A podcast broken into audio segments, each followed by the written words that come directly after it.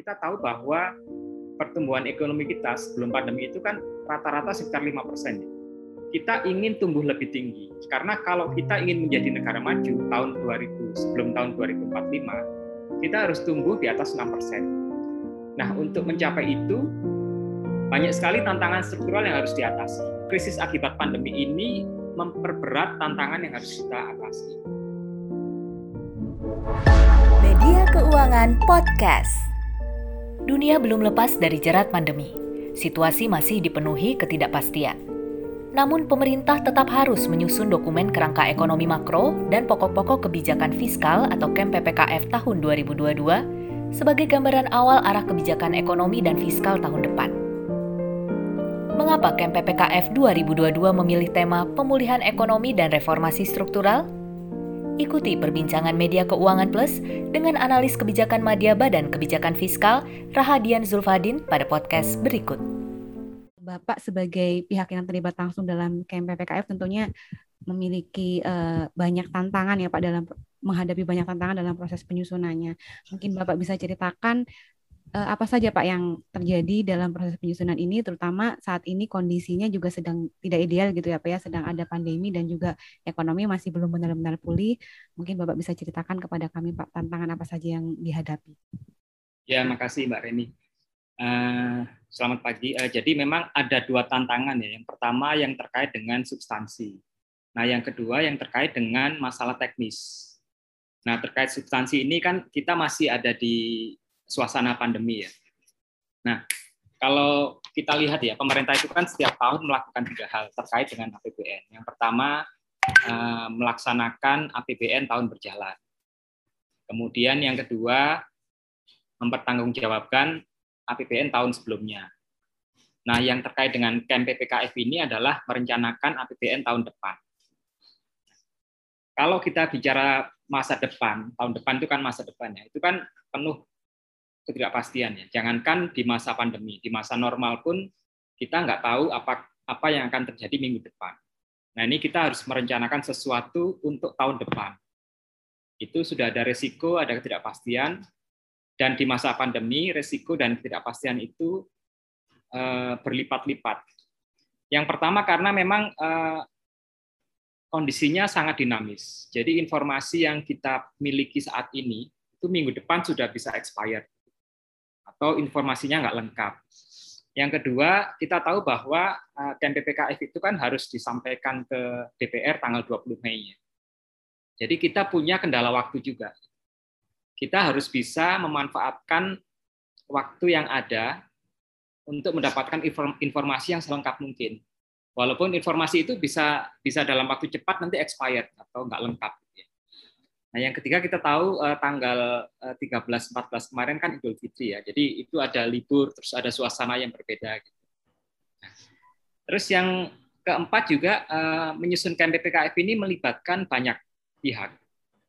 Uh, kan ada kerangka ekonomi makro, ada pokok-pokok kebijakan fiskal. Nah, di PPKF terutama itu kan ada pendapatan, itu ada pajak, PNBP, bea cukai, ada belanja dan pembiayaan. Nah, itu melibatkan uh, pihak lain juga. Nah, dalam waktu yang singkat eh, dengan kondisi yang selalu berubah, kita dituntut untuk kompromi kadang-kadang. Nah, itu juga tantangan. Nah, kemudian juga eh, eh, setelah kita sampaikan ke DPR tanggal 20 Mei, itu ada tantangan lain, yaitu apa? DPR menyampaikan pandangan, pandangan kepada pemerintah atas KM PPKF itu. Kita harus menanggapi. Nah, itu sudah kita lakukan. Nah, sekarang ini adalah proses kita sudah menanggapi pandangan fraksi DPR, sekarang proses bagaimana menggunakan KMPPKF itu sebagai bahan pembicaraan pendahuluan untuk menyusun APBN tahun depan.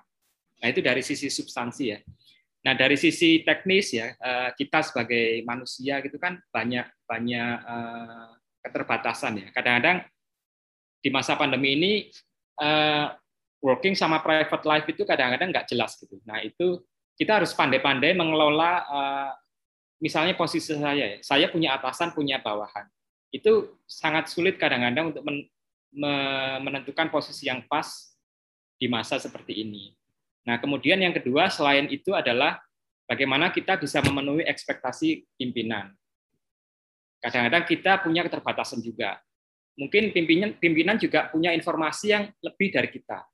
Nah, di situlah pentingnya eh, kadang-kadang ini ya, kadang-kadang klise komunikasi dan koordinasi itu klise, tapi itu itu kayaknya mutlak harus dilakukan di masa yang eh, penuh ketidakpastian ini. Jadi kira-kira itu Mbak tantangannya. Baik Pak. Eh, lalu kan ini di tahun 2022 ini kan Camp PPKF itu mengangkat temanya pemulihan ekonomi dan reformasi struktural ya Pak ya. ya. Kira-kira mengapa Pak tema tersebut yang dipilih? Apa hal-hal yang melatar belakanginya? Ya, jadi ada dua ya, pemulihan dan reformasi struktural. Uh, pemulihan jelas karena uh, pandeminya belum selesai. Bahkan kita juga nggak tahu kapan akan selesai. Uh, ini kan kita tahu bahwa dampak pandemi COVID ini kan beda ya dengan krisis-krisis sebelumnya. Kalau kita mundur agak jauh ke belakang, krisis yang cukup besar itu kan di tahun 98 itu ada krisis Asia. sampai pertumbuhan ekonominya itu minus 13 persen, bahkan lebih besar dari sekarang. Cuman waktu itu eh, manusianya itu masih bisa bergerak sana kemari. Jadi walaupun krisis ekonomi politik bahkan banyak kerusuhan, tapi manusianya manusia itu faktor produksi utama dari ekonomi itu masih bisa sekolah, bisa belajar, bisa bekerja dan bergerak ke mana pun. Nah, krisis karena pandemi ini uh, beda karena yang diserang adalah manusianya dan kita nggak bisa melihat COVID itu kan. Jadi itu menimbulkan suasana yang sangat jauh lebih tidak pasti dalam melihat masa depan.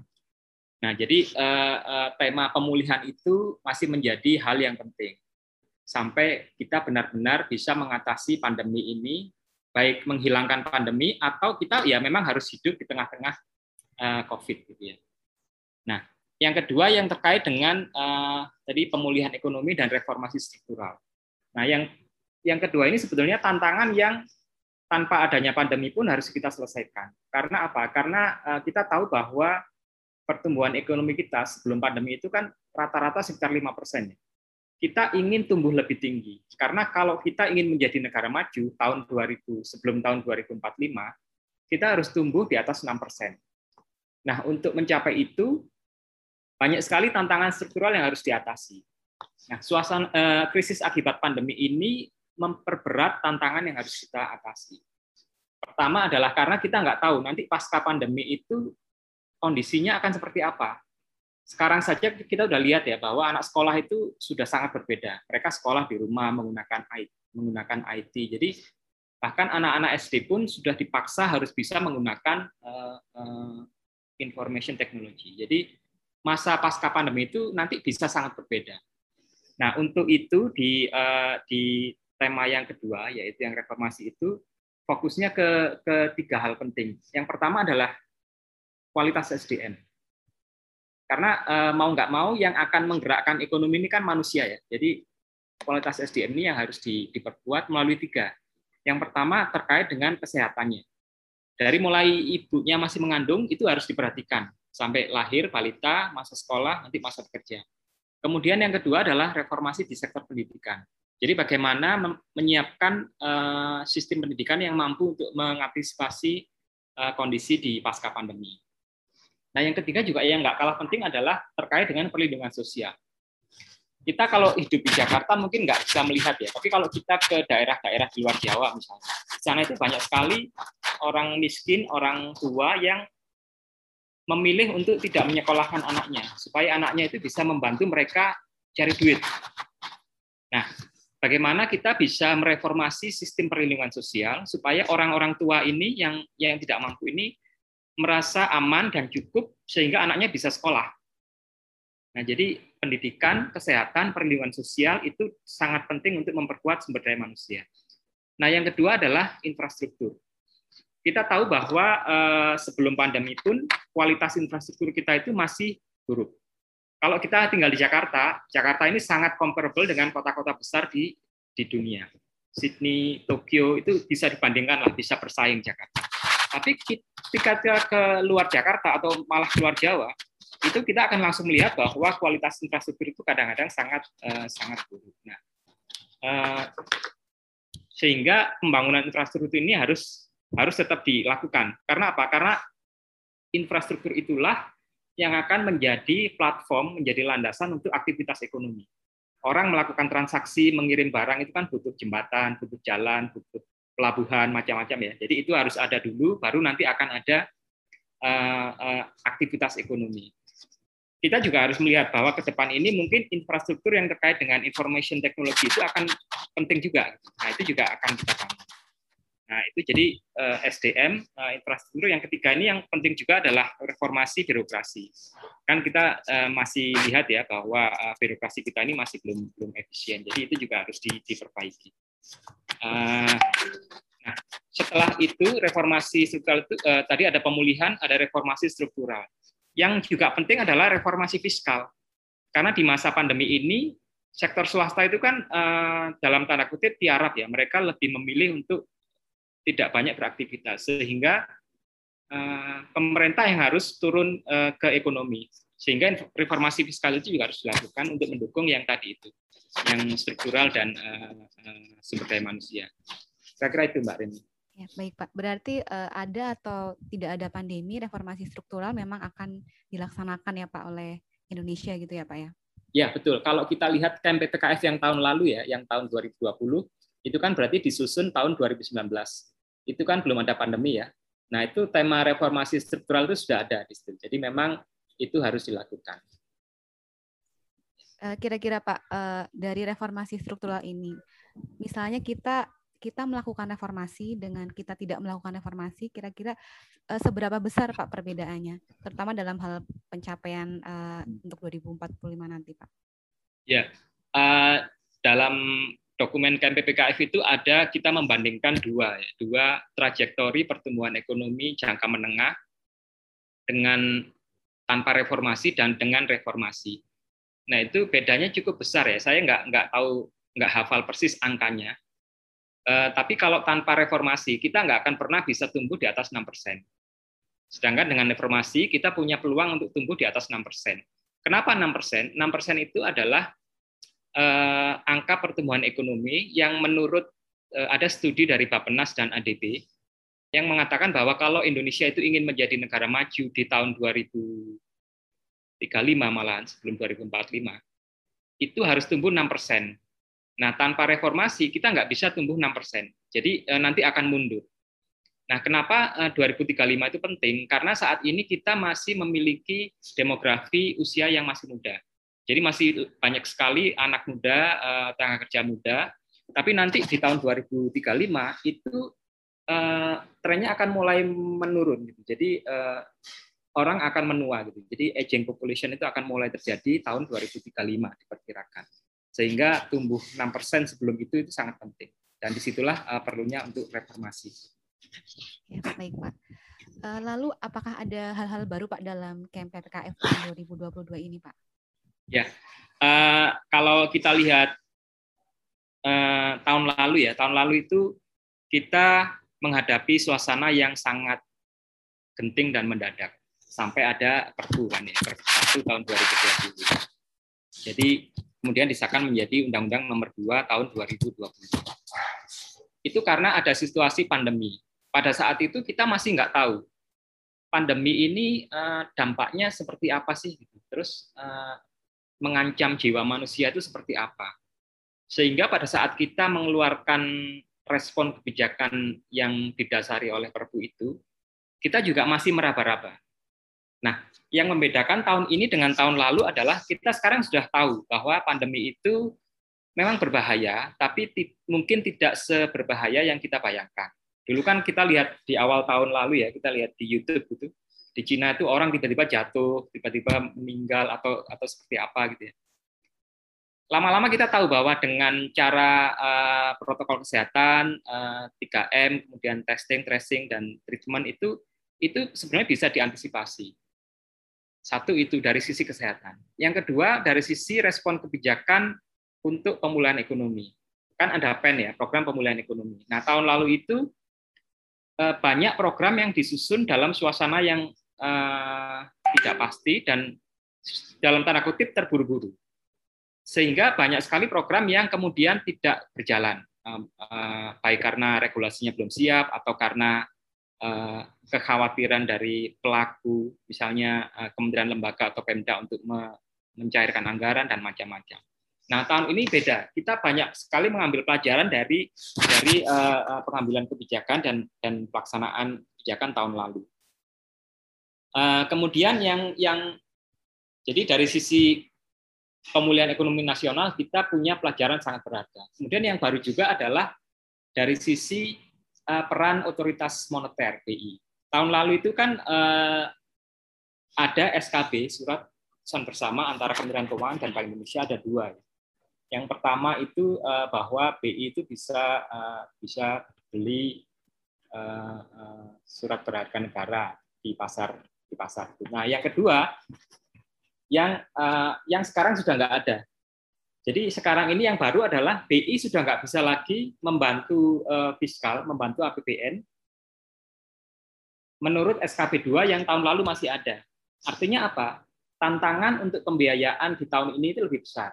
Jadi yang baru adalah tahun ini juga banyak hal yang bagus. Kita banyak belajar dari pengalaman tahun lalu.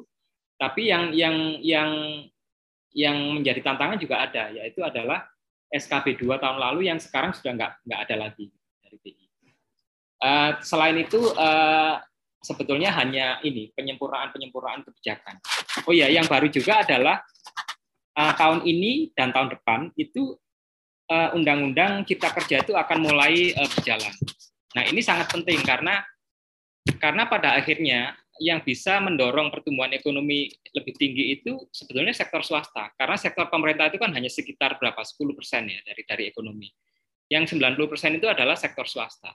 Nah, Undang-Undang Cipta Kerja inilah yang diharapkan menjadi sesuatu yang baru yang bisa eh, mendorong swasta ini supaya mas segera beraktivitas di ekonomi. Tapi kita juga harus ingat bahwa tanpa adanya pemulihan pandemi itu sulit sekali untuk mengharapkan uh, uh, aktivitas dari sektor swasta untuk masuk. Tadi Bapak di awal sudah menjelaskan uh, fokus KM PPKF itu ada di penguatan SDM, infrastruktur, reformasi birokrasi dan reformasi fiskal begitu ya Pak ya. ya. Uh, mungkin uh, untuk reformasi fiskal Pak, kira-kira apa yang akan dilakukan oleh Kementerian Keuangan Pak?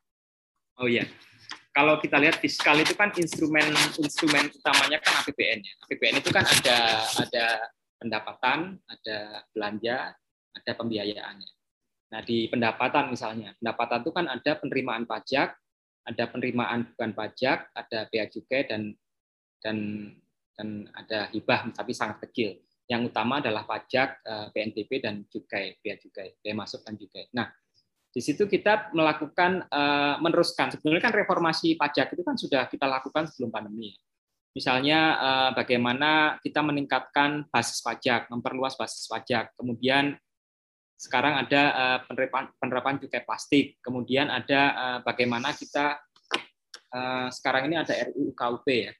Tapi intinya adalah begini reformasi fiskal itu harus dilakukan secara hati-hati supaya uh, uh, tidak justru menimbulkan dampak yang negatif ke perekonomian. Misalnya uh, karena kita ingin mendapatkan penerimaan yang tinggi, kemudian kita hanya fokus di bagaimana meningkatkan penerimaan. Pada saat ekonomi masih lemah itu sangat-sangat berbahaya. Kemudian dari sisi belanja juga sama. Belanja ini kan tema utamanya adalah spending better. Jadi selama ini kan kita tahu bahwa belanja APBN kita itu masih sangat uh, tidak efisien. Jadi sekarang mas, sekarang dalam proses pembahasan dengan DPR bagaimana supaya belanja pusat ataupun yang transfer ke daerah itu bisa lebih banyak diarahkan ke eh, hal-hal yang sangat prioritas. Gitu. Jadi yang bersifat operasional, bersifat rutin itu minimal saja. Apalagi kan sekarang kita bisa bekerja dari rumah, dari dari dari uh, di luar kantor gitu ya. Jadi sebetulnya ada hal-hal yang bisa di dihemat dan itu adalah difokuskan ke uh, yang prioritas. Nah, pembiayaan terkait itu belanja pusat. Belanja TKDD juga sama. Daerah ini kan kalau kita lihat semakin lama transfer ke daerah itu semakin besar. Tapi uh, kalau kita lihat uh, banyak sekali TKDD itu yang masih daerah yang masih menggantungkan uh, transfer dari pusat untuk membiayai APBD-nya. Jadi artinya desentralisasi fiskal yang sudah berjalan bertahun-tahun ini, itu masih ada daerah yang masih belum bisa mandiri. Nah, bagaimana eh, membantu daerah-daerah yang seperti itu supaya mereka bisa lebih mandiri, bisa menggali potensi-potensi penerimaan dari daerahnya dengan cara apa? Uh, meningkatkan aktivitas ekonomi di daerahnya. Nah, itu proses yang memang sangat panjang. Itu pendapatan belanja dan pembiayaan juga sama. Pembiayaan ini uh, sering menjadi kontroversi ya karena karena masalah utang. Jadi kalau kita defisit terus, utang akan naik. Kita tahu sekarang kita tahu kita punya batas maksimum utang itu kan 60% dari dari PDB ya di undang-undang. Nah, sekarang ini sekitar 40-an. Itu uh, harus kita uh, harus kita antisipasi yaitu bagaimana kita bisa mendapatkan uh, biaya utang pembiayaan APBN yang lebih murah. Kan strateginya pertama tetap melalui market, melalui penerbitan SBN. Bagaimana kita bisa terus-menerus uh, menekan yieldnya supaya lebih rendah. Nah, yang kedua juga uh, misalnya market tidak kondusif, kita bisa juga melakukan pinjaman. Kemudian kita juga bisa melakukan uh, uh, bagaimana kita mengurangi beban APBN itu dengan membangun infrastruktur misalnya melalui skema KPBU. Jadi tidak semuanya harus dilakukan oleh APBN.